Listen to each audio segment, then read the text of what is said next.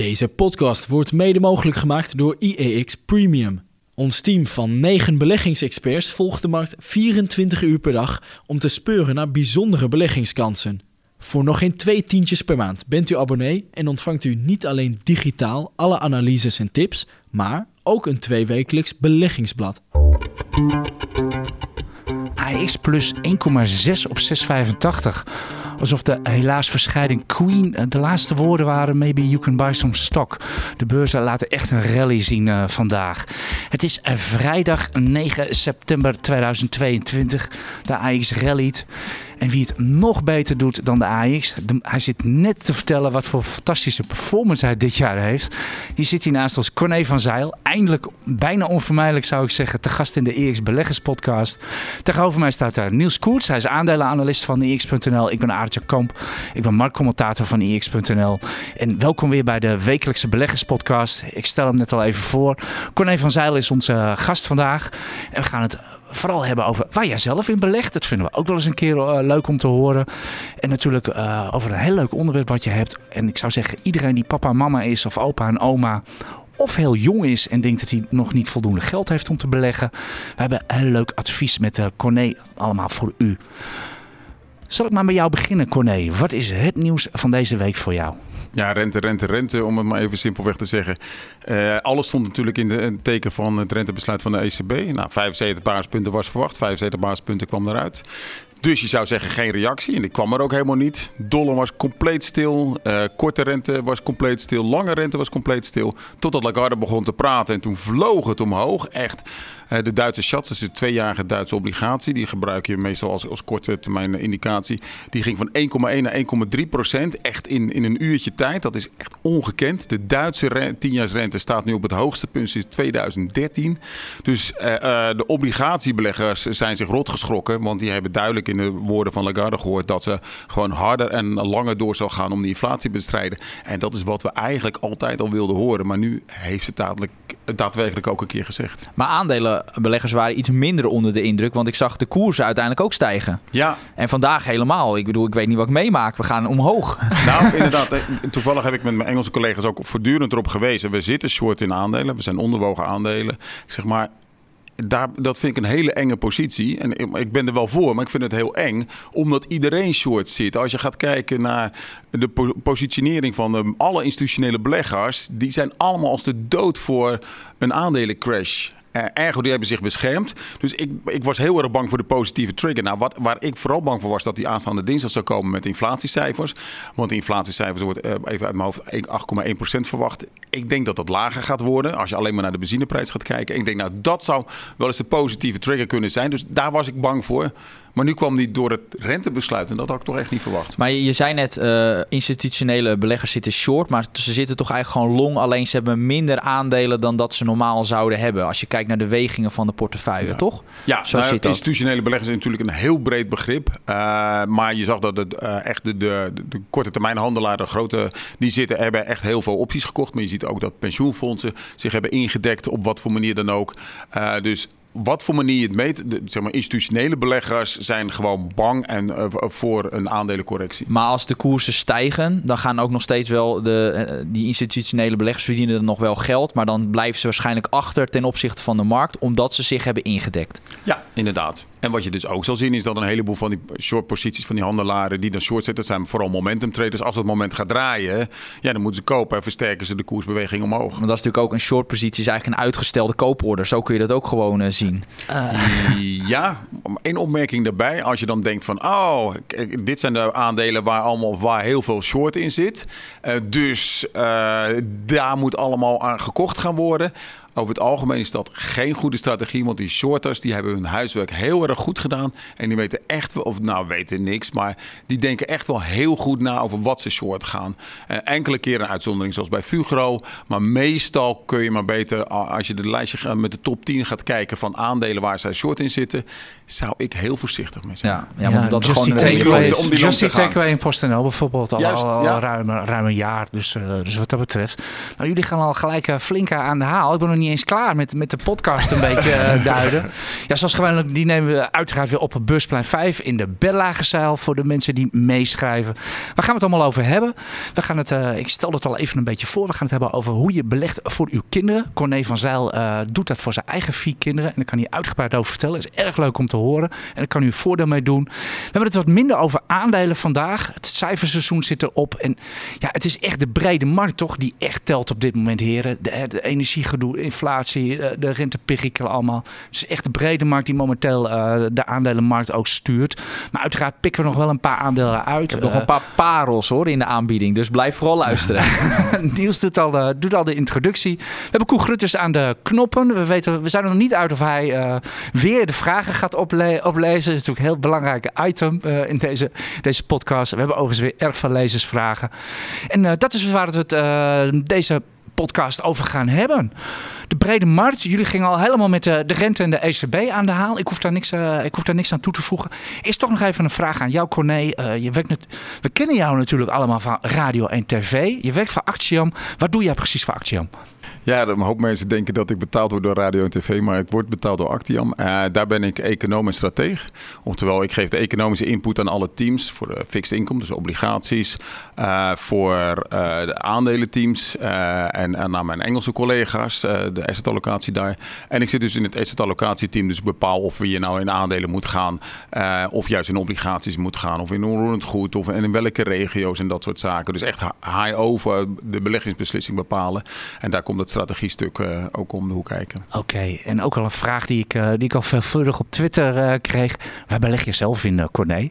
Want in, in, hoeverre, in hoeverre heb jij vrijheid ook? Hier in deze podcast, in hoeverre mag jij vrijheid over aandelen, alles praten? Want we weten, de, de financiële sector staat stijf van de disclaimers. En ja, nou de belangrijkste disclaimer als je over een individueel aandeel praat, is om te zeggen of je hetzelfde aandelen hebt of niet. Nou, als we over mijn privéportefeuille gaan praten, is daar, gaan we het zeker, daar gaan we het zeker over hebben zo ja, meteen. Die heb ik dan dus.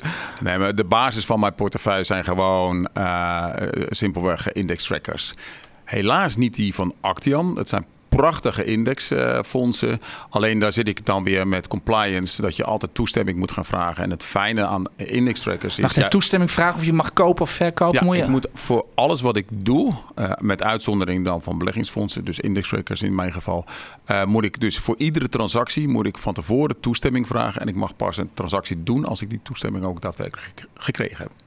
Ik denk, dus, dat, uh, ik denk dat de crypto-liefhebbers uh, die meeluisteren hun mond nu wel openvalt. Uh, zo gaat het op een gereguleerde markt. ja. Wij kunnen vrijuit praten over ja. wat wij doen. Dat is het voordeel die wij hebben in deze podcast. Wij zijn niet gehinderd door enige disclaimers. Behalve dan waar we zelf in beleggen. Ik zet ook longen aandelentrekkers en die koop ik braaf iedere maand. Niels, jij hebt wel een hele grote portefeuille. Hè? Ik ben een echte aandelenbelegger, dus ik ben wat minder van de ETF's. Ik vind hele mooie producten, alleen ja, ik, ik beleg daar zelf amper in. Ik kies echt voor de individuele aandelen. Ook omdat ik, ja, ik zit er iedere dag met mijn neus op. En uh, ja, dus dan is dat even dat mijn voorkeur. Ja, ik, ik heb zelf drie individuele aandelen, ING, Shell en, en ASML. ASML kocht ik toevallig maandag wat bij. Ik zag het gewoon min 40 staan en ik wil gewoon een lange termijn positie opbouwen. Dat is wel leuk. Dat heb ik, heb ik ook getwitterd en ik, ik zet er nog bij. Ik koop ze niet voor de koers of wat dan ook. Ik let niet op gemiddelde aankoopmomenten. Dat maakt me allemaal geen bal uit. Ik koop ze echt voor de lange termijn. En uh, jullie mogen één keer raden waar de echt de vele reacties die ik kreeg over gingen. Eén keer raden. Ja, dat ging natuurlijk allemaal over de koers.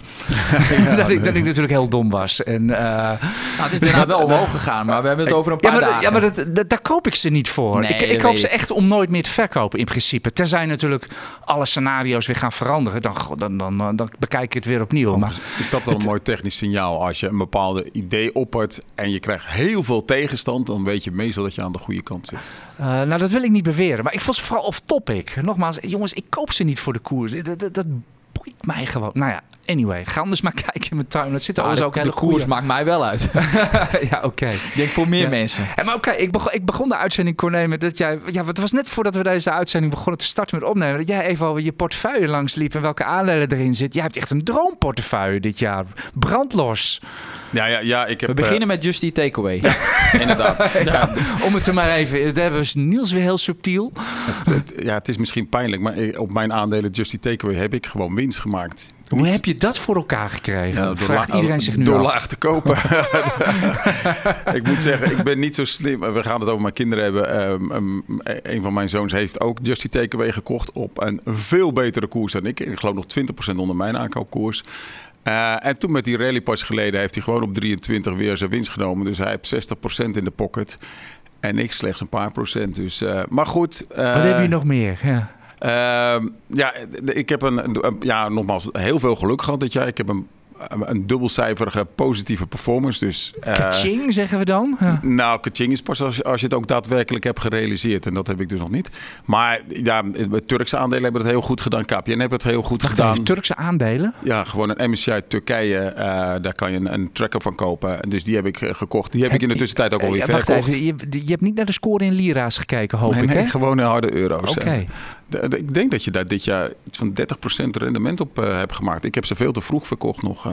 Ze doen het, en, en de afgelopen weken doen ze het ook weer uitstekend. Heel opmerkelijk. Hoe kan het nou zo goed doen dan met die... Met die, met Nou, de die- reden die ik, ik heb er een column over geschreven. De reden is, eh, die ik toen heb aangegeven van ja, je moet verkopen na eh, de valutadaling. Want als die valutadaling eenmaal achter de rug is, dan kom je in een situatie waarbij die bedrijven veel goedkoper kunnen exporteren. Eh, nou ja, en dat is dus het voor. Dan heb je dus al, al Ah, het koersverlies ja. voor je gehad. Die pijn hebben anderen geleden. En jij zit dan in een positie dat, dat je in een land zit waar die correctie achter de rug is.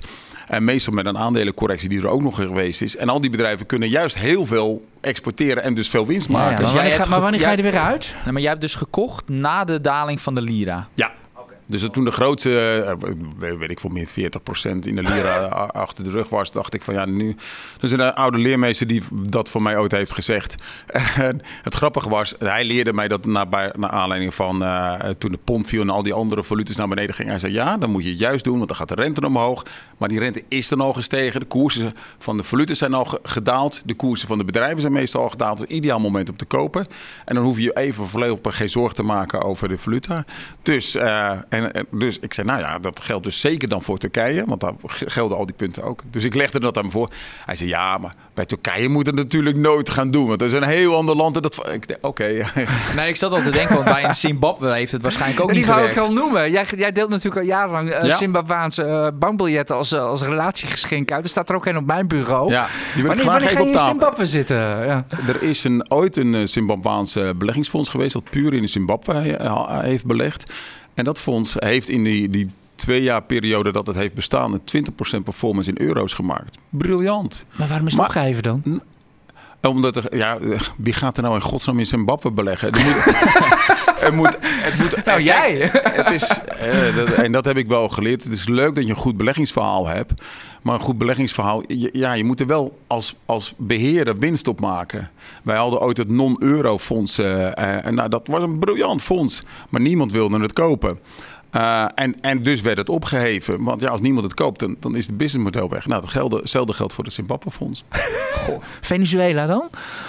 Ik geloof niet dat daar een individueel fonds is. Ik Maar denk zou ook aan dat hij heel goed kijken. gedaan heeft. Maar goed, maar, maar je noemt nog meer. Wat had je nog meer van aandelen, Corné?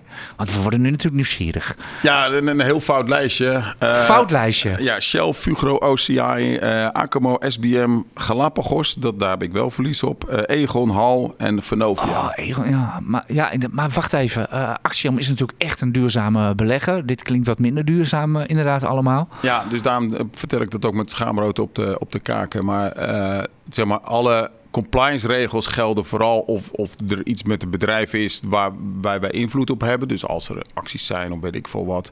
eh, dan, dan mag ik die aandelen niet kopen. En dat is een paar keer gebeurd. Maar ik, ik word niet op mijn privé duurzaamheid eh, getoetst. Oké. Dus je kiest voor, vooral voor cashflow.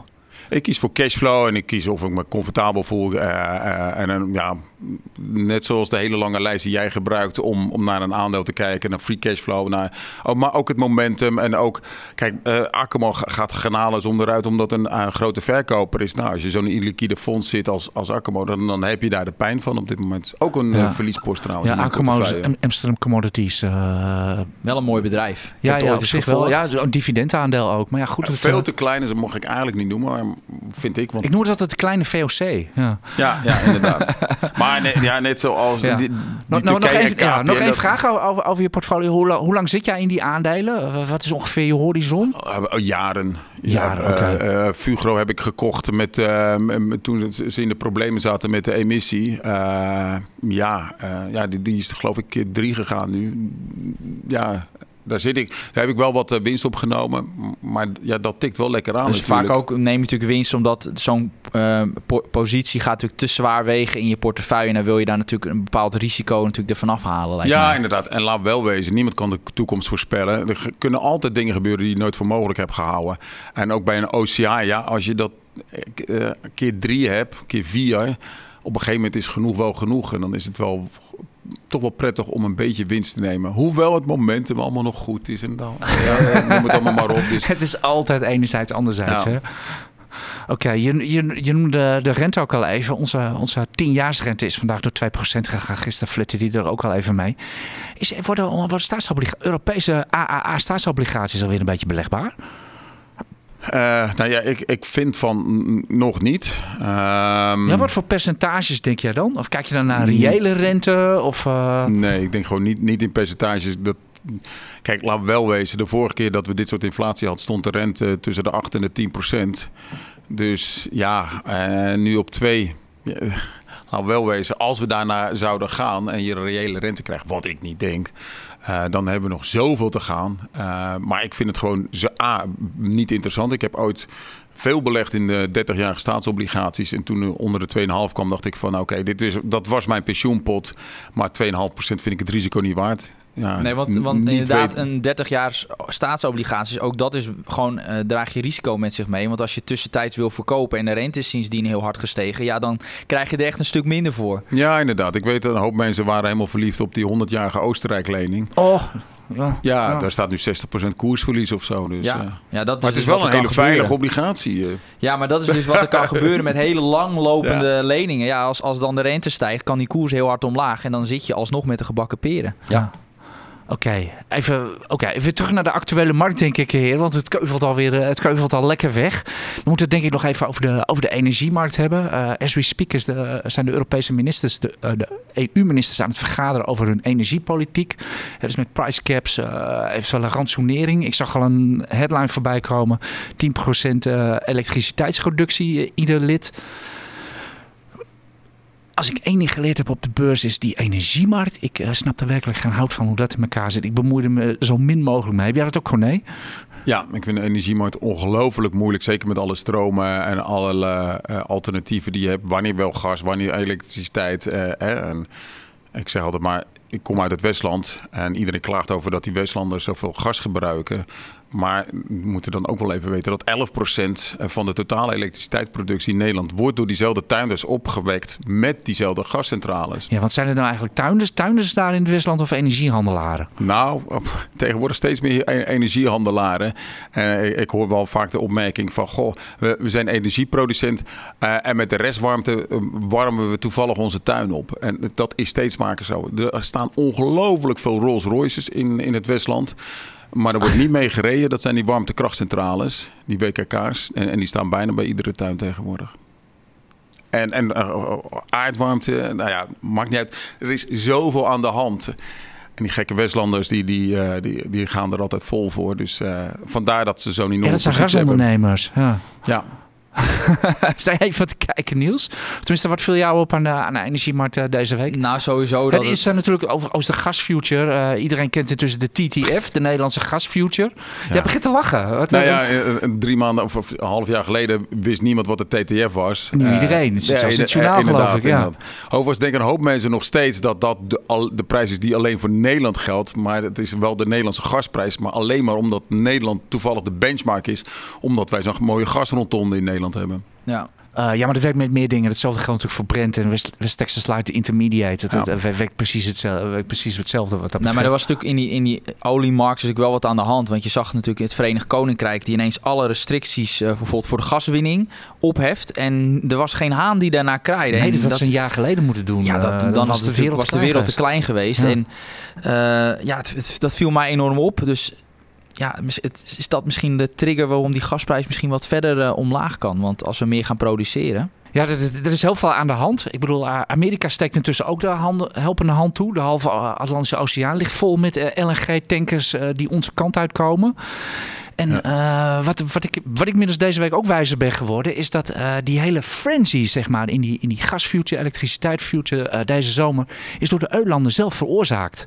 Die hebben als een stelletje, ja, zeg maar Reddit en Robin Hood handelaren, eh, alsof ze in GameStop en AMC zaten te handelen, zelf die, eh, die, die gasprijzen over de kop gekocht. Zaten tegen elkaar op te bieden. Want we zagen natuurlijk allemaal de berichten van dat de, dat de gasvoorraden inmiddels al op orde zijn voor komende winter. De percentages die waren afgesproken.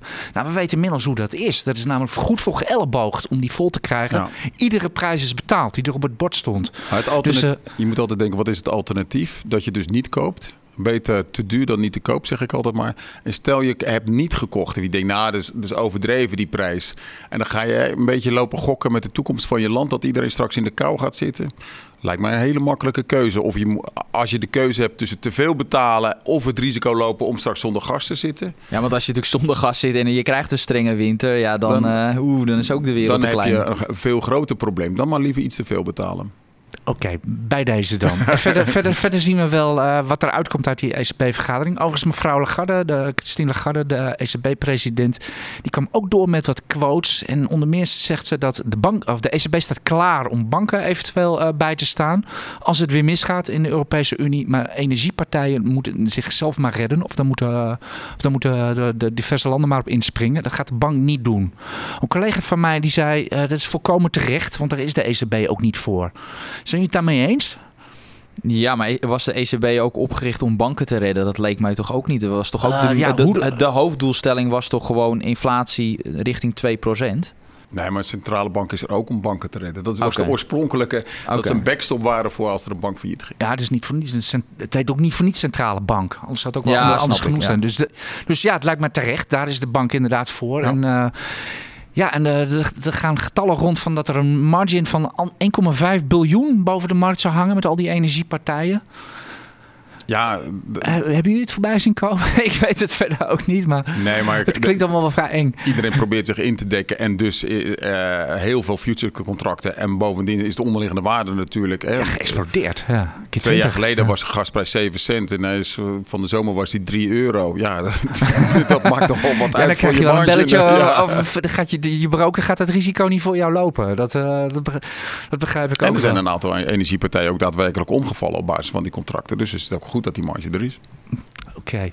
We, hoorden het, we hoorden het verder wel eh, van de, uit Brussel. Eh, wat we van jou gaan horen, Corné. Je noemde al, je noemde al even, even je zoon.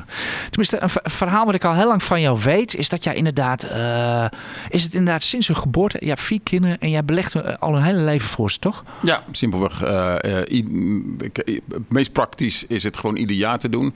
Eh, eigenlijk zou het gewoon iedere maand moeten doen. Maar ik vond het praktisch om ieder jaar nou ja, een bedrag naar eh, de, de beleggingsrekening van de kinderen en daarmee gaan beleggen.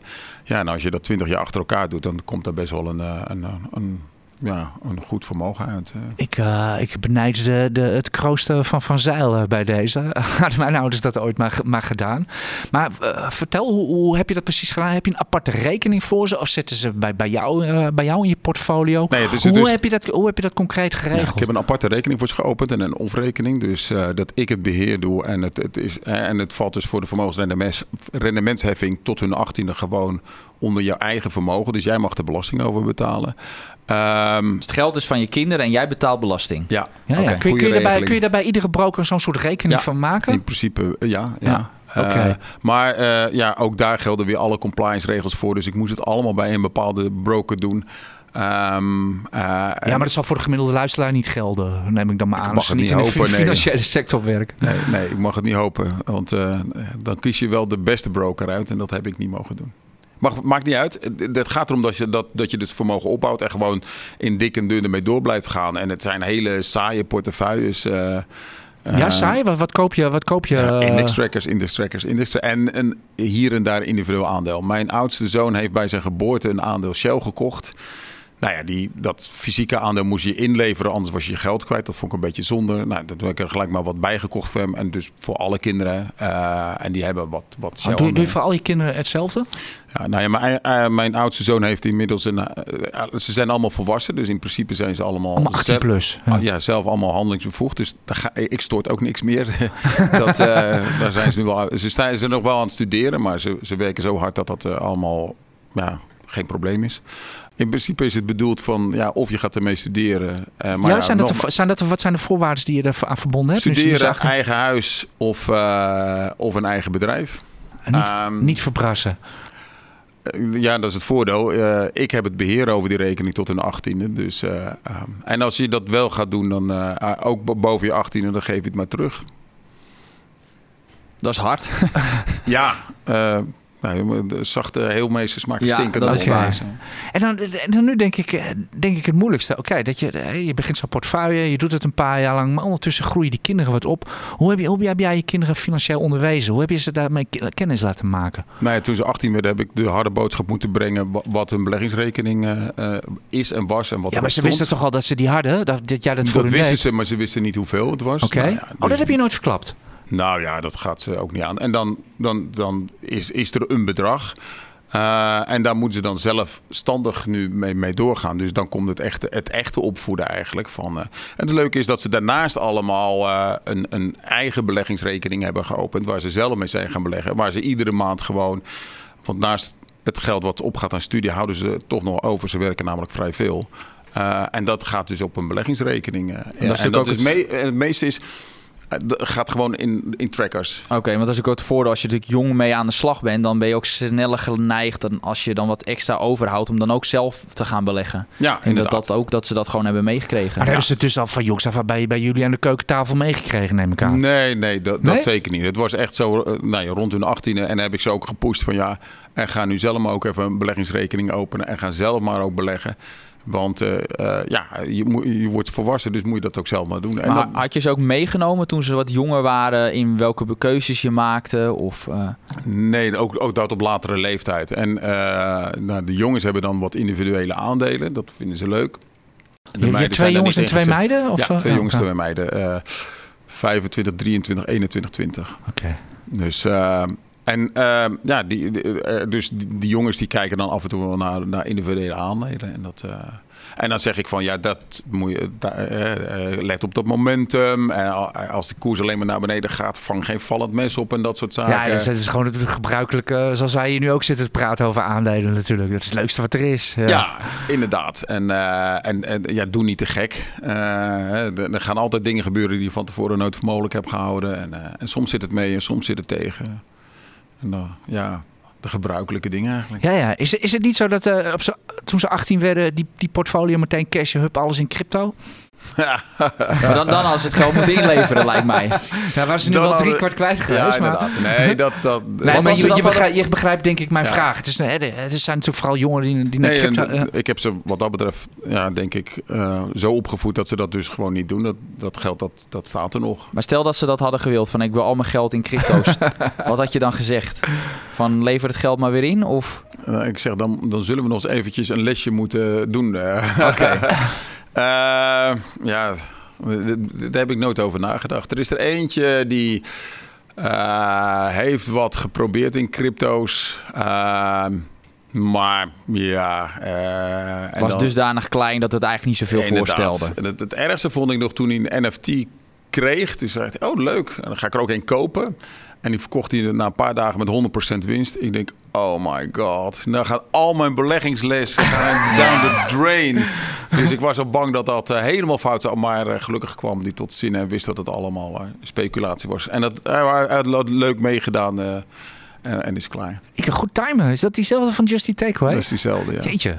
Die, moeten, uh, die, die, die, die, mag hier volgende week komen.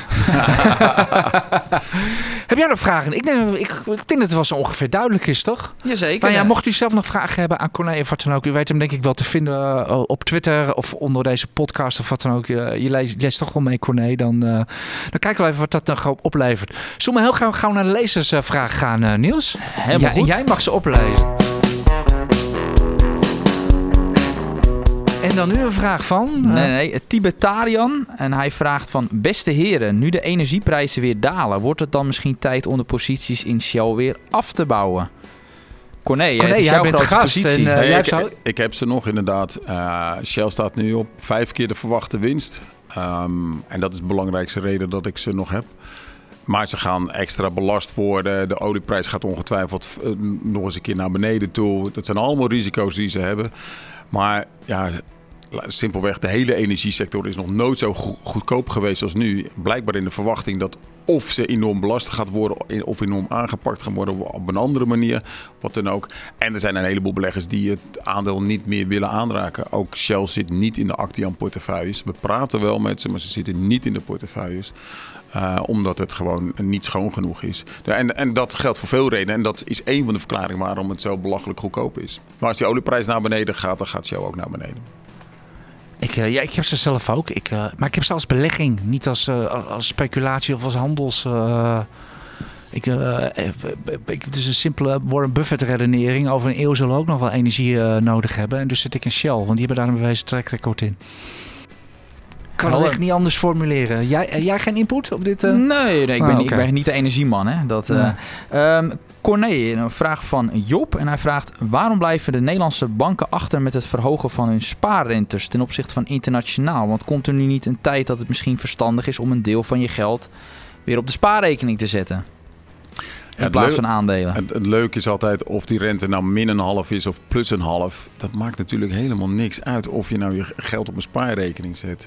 Dat ene procentje is niet. Ik heb een tijdje geleden een vraag gekregen van iemand die. Nou, toen ging, moest hij, zij een half procent gaan betalen. Moet ik dan niet gaan beleggen? Ik zeg ja, maar je weet zeker dat je een half procent kwijtraakt. Dat is vervelend. En dan moet je nog vermogensrendementsheffing erop betalen. Maar dan wil je gaan in aandelen gaan beleggen. En dan heb je een marge van plus 60 en min 60. Weet waar, waar je aan begint. Ze, oké, oké. Is crypto dan wat? Nou, toen heb ik, eh, maar toen heb ik de moed opgegeven. Ja, Oftewel, eh, de- dat voor dat half procentje hoef je het niet te doen. En de- of die Nederlandse banken achterblijven. Volgens mij valt dat wel mee. Maar zoveel, nou, dat zou ik wel eens moeten induiken. Ik denk dat ze, iedere, eh, dat ze iedere kans aangrijpen om weer iets van sympathie bij het grote publiek terug te winnen. eh. Ja, maar ik denk dat, dat ze ook iedere kans aangrijpen om eh, eens een keertje winst te maken. Op, eh, want oh, laat wel eens, op betalingsverkeer is het, het is geen vetpot. eh. maar eh. de rentemarges staan nog steeds onder druk. Dus eh, ik denk dat ze die willen normaliseren. Ja. Over, overigens is spaargeld. eh, in de jaren 80 kreeg je wel tot 8% spaarrente. Maar als je daar de inflatie van afhaalde, dan was het ook weer gewoon een min. Dat is het hem vaak, hè? Dus je moet gewoon naar de reële rente kijken. En als je bij de reële rente kijkt bij, spaar, bij, bij spaargeld, dan komt het zelden boven nul uit. Ja, sterker Dus, nog, is het nog nooit zo negatief geweest als nu. Want ja, met 13,6% inflatie. Ja, nu is het, nu is het echt, eh, dit jaar is het natuurlijk echt helemaal een drama. Maar wie of wat legt het nu niet tegen de inflatie af?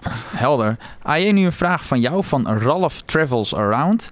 Waarom koop je ASML wel bij op de dalingen en Shell niet? Want hoe groot laat je je posities worden? Eh, ik denk dat ik Shell niet bijkoop, dat ik vind dat mijn positie groot genoeg is. Eh dat is ongeveer 1% van mijn portfolio. Daar streef ik ook bij ASML na. En ik doe het voor de leuk, voor de bij. Want in feite koop ik die aandelen natuurlijk al via mijn trackers. Maar ja, ik, eh, ik, ja, ik hou van de markt, ik hou van aandelen, ik hou van de beurs. En het is gewoon veel leuker om aandelen te hebben dan trackers. Het ja, is gewoon want zo. jouw aandelenposities, dat is 3% ongeveer Ja, van de portefeuille. en Ja, dat- 97% Ja, is dat gewoon indextrek. Het zit gewoon in feite, ja, het zal iets, iets meer in die individuele aandelen, maar eh, niet veel. Dus het is echt voor de leuk. En eh, ja, ja, ik denk dat ik het daarmee wel Ja, beantwoord Bij mij heb. is het echt precies andersom. 3% ETF, 97% Oké. individuele aandelen. Waarom hebben we dan nog die ETF's? Nou, dat is meer, dat is een goede vraag. Dat is meer omdat ik, ik wil mijn eigen prestaties vergelijken. En dan is het ook handig als je een paar van die ETF's in je portefeuille hebt waarmee je jezelf vergelijkt. Dus dan hoef je dingen niet op te zoeken. Dus dat is eigenlijk de enige reden. Ja. Ik kan er niks anders Dat is van maken. goeie. Warren Buffett heeft dat ook. Hè? Die heeft ook de S&P 500 gewoon in zijn portfolio zitten. Dus ergens onderaan eh, trouwens. eh.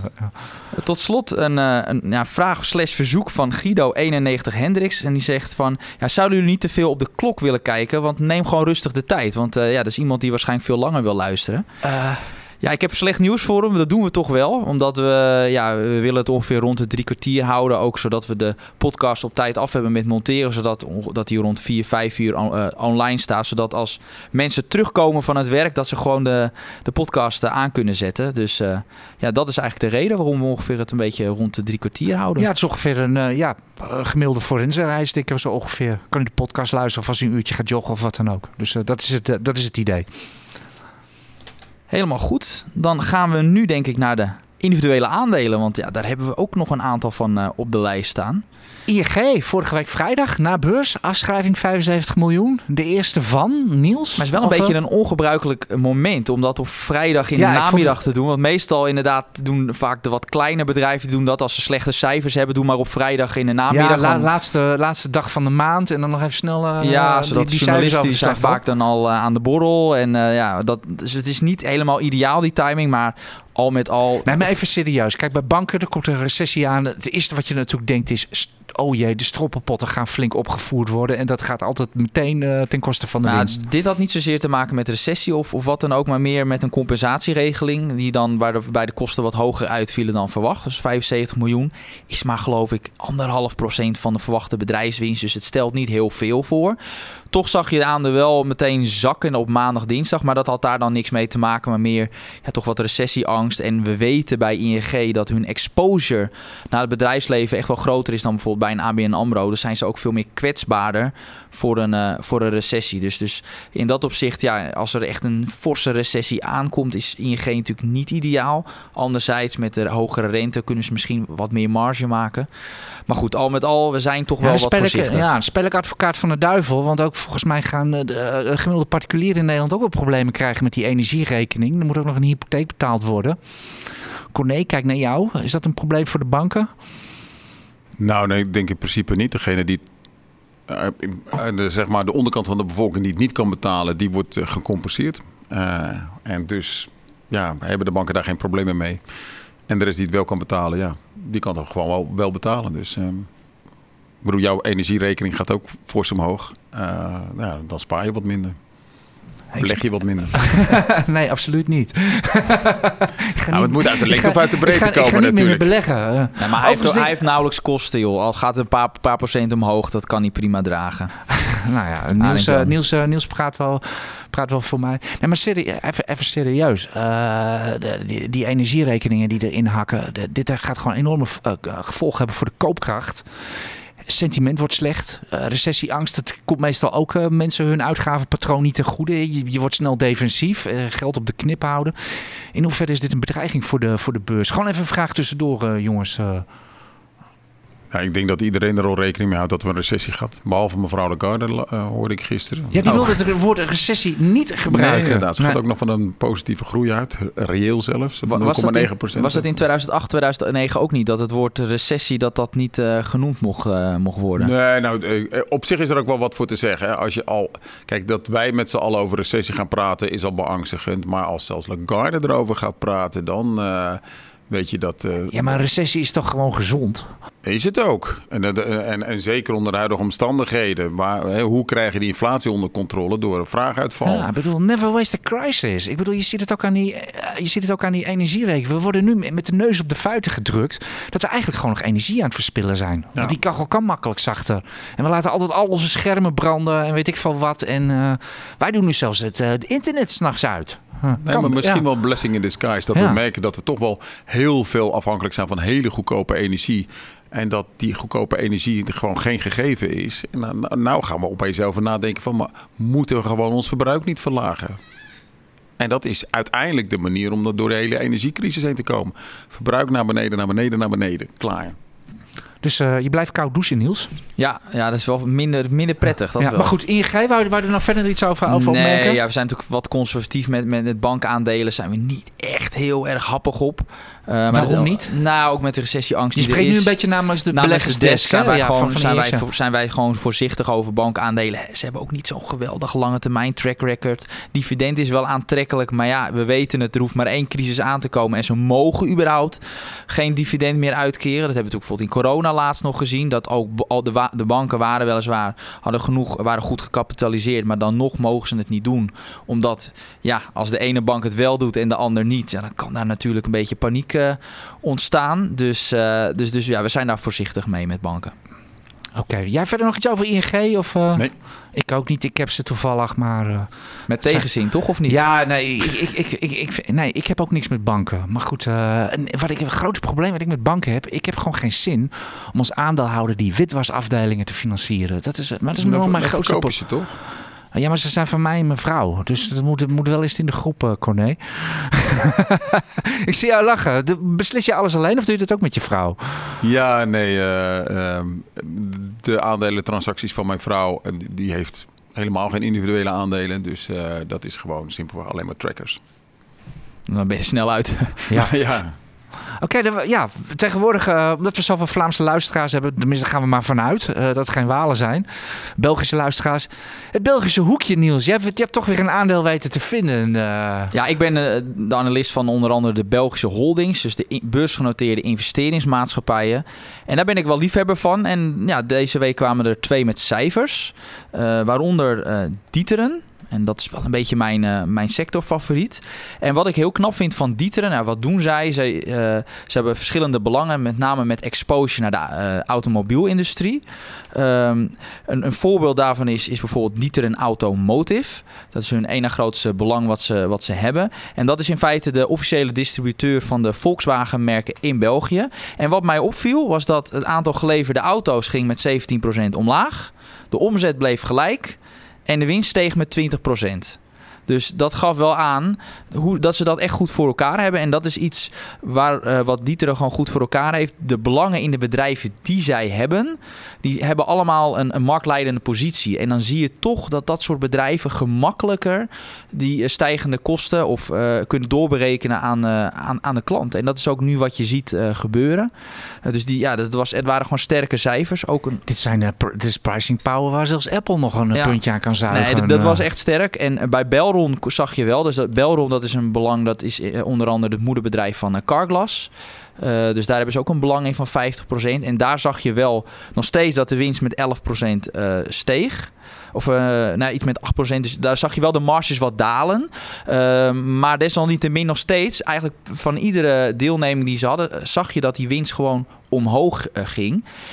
Dat is al sterk, zeker onder deze echt moeilijke eh, omstandigheden. En wat het nog eens extra aantrekkelijk maakt, bijvoorbeeld een belegging in een Dieteren, is dat de waarde van de beleggingen, die ligt eh 30%, of de, de beurskoers ligt 30% onder de netto intrinsieke waarde. Dus je krijgt ze ook nog met een, met een mooie discount. En dat zie je natuurlijk bij meer eh, holdings, omdat eh, dat daar een, een discount in zit. Maar die 30% is wel Ja, echt fors. Moet wel even, eh, ik denk dat je het wel even bij moet melden dat eh, een discount heel lang een discount kan blijven. hè? Ja, dat, dat klopt. Dat je, dat je niet het recht hebt dat, dat die Nee. discount eruit gaat lopen of Nee, zo. maar dat, dat, je dat niet in denkt. principe is dat ook helemaal niet erg. Want stel dat bijvoorbeeld zo'n zo'n zo'n Dieteren uiteindelijk wat cash over heeft. Ja, als, als, als een aandeel noteert tegen een echt een hele forse discount. Ja, dan kunnen ze ook relatief goedkoop aandelen bijvoorbeeld inkopen. Dus dat, dus dat is ook een van de redenen waarom die beursgenoteerde holdings op lange termijn het heel goed doet. Uiteraard hebben ze sterk management en, een, met, en met een goed netwerk. Maar omdat ze vaak noteren tegen die discount, ja, krijg je als aandeelhouder een verhoudingsgewijs een groter deel van de winst. En dat op lange termijn zorgt dat ervoor dat je, dat je, dat je, mooie rendementen maakt. En ja, Dieteren is, is ja, mijn mening toch wel een, een Ja, aandeel om naar te dit, kijken. zijn, dit zijn geen aandelen die je voor een ritje koopt of wat dan ook. Maar echt, Nee. eh, echt, echt een jarenlange track record. Nee, dat zie je ook bij Hal, ook zo'n investeringsmaatschappij in Nederland. De meeste mensen die daarin zitten, zitten daar al decennia lang in. En die hebben ook niet echt veel reden om dat te verkopen. En Ook als bij het een jaar of vijf hetzelfde. even niet goed gaat, tegen zit underperformance. eh want het is natuurlijk wel zo bij eh, Hal. Corné, ik weet dat jij ook fan bent van, eh, van eh. heb jij ze ook? Ik heb Hal. Ehm, en nog nooit verkocht, inderdaad. Eh, ik weet niet hoe lang ik erin zit, eh, maar... eh, Lang nou, dat dus zegt wel al. genoeg. Ja. Dus uh, GBL heb ik ooit gehad. Uh, maar die... Groep uh, Brussel-Lambert geloof ik uit mijn hoofd. ook een Belgische. ja. ja. inderdaad. En ik kijk wel eens naar Belgische holdings. Maar ja, ik wil niet meer dan tien aparte aandelen in mijn portefeuille hebben. En ik zit aan de tien. Dus er komt niks meer bij. Dan hou je het gewoon bij één. Ja, waarom wil je niet meer dan tien hebben? Oh, om het overzichtelijk te houden en om te voorkomen dat het een, een, een zootje wordt. En om te voorkomen dat je niet, als je bijvoorbeeld een verliespositie hebt, ja, eh, je, moet nu, je wordt daardoor gedwongen om goed na te denken over, ja, maar welke moet er dan uit? Um, en, dus maak je veel betere uh, redenatie over van, ja, ik moet dit dan toch maar gaan verkopen, want ik wil dat aandeel kopen. Oh, dat is af en toe best lastig. Is het ook. Ja. Uh, het is natuurlijk altijd extra pijnlijk om een verliezer te moeten verkopen met. Dat zijn altijd de beste. Uh, ja. Oh ja, mijn zoon en ik, mijn zoon wou Philips kopen, dus... Uh, dat is geloof ik een van zijn verliesposities geweest. Maar we hebben daar 4% verlies op geleden. op een gegeven moment uh, dachten we, nou oké, okay, we moeten aandelen verkopen. Welke? Uh, en ja, Philips stond onder water. En ja, we zagen geen verbetering. En we stonden maar op 4% verlies. Nou, achteraf is het een briljante verkoop Achter, geweest. We hebben heel veel geluk mee gehad. Uh, nogmaals, geluk ja, heb je meer dan aan wijsheid. Maar op dat moment denk ik van ja, het wordt slechter en de koers is, niet, uh, is nauwelijks gedaald. Ja, jammer dat er een minnetje staat, maar verkopen, hè, je verlies nemen is, is, is heel erg moeilijk, maar is ongelooflijk belangrijk voor je rendement. Nou, achteraf heeft dat goed uitgepakt, zeker omdat er nogal een, eh, een behoorlijke slecht nieuwsshow achteraan kwam. Ja, ja, maar dat is, dat is natuurlijk ook waar, waar professionele handelaren die er echt van kunnen leven zich onderscheiden van zeg maar de amateurs die uiteindelijk alleen maar op lange termijn beleggingen uitkomen.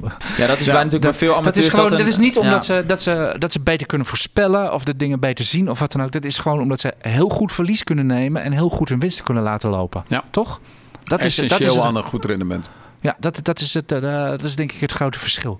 Maar inderdaad, dat, dat kiezen is inderdaad wel uh, lastig. Ik heb dat zelf dus wel al even genoemd bij ASML. Ik wilde heel graag het, dat chipverhaal, dat hoef ik niet meer uit de doeken te doen, de, de toekomst. Ik wou gewoon wat extra exposure hebben.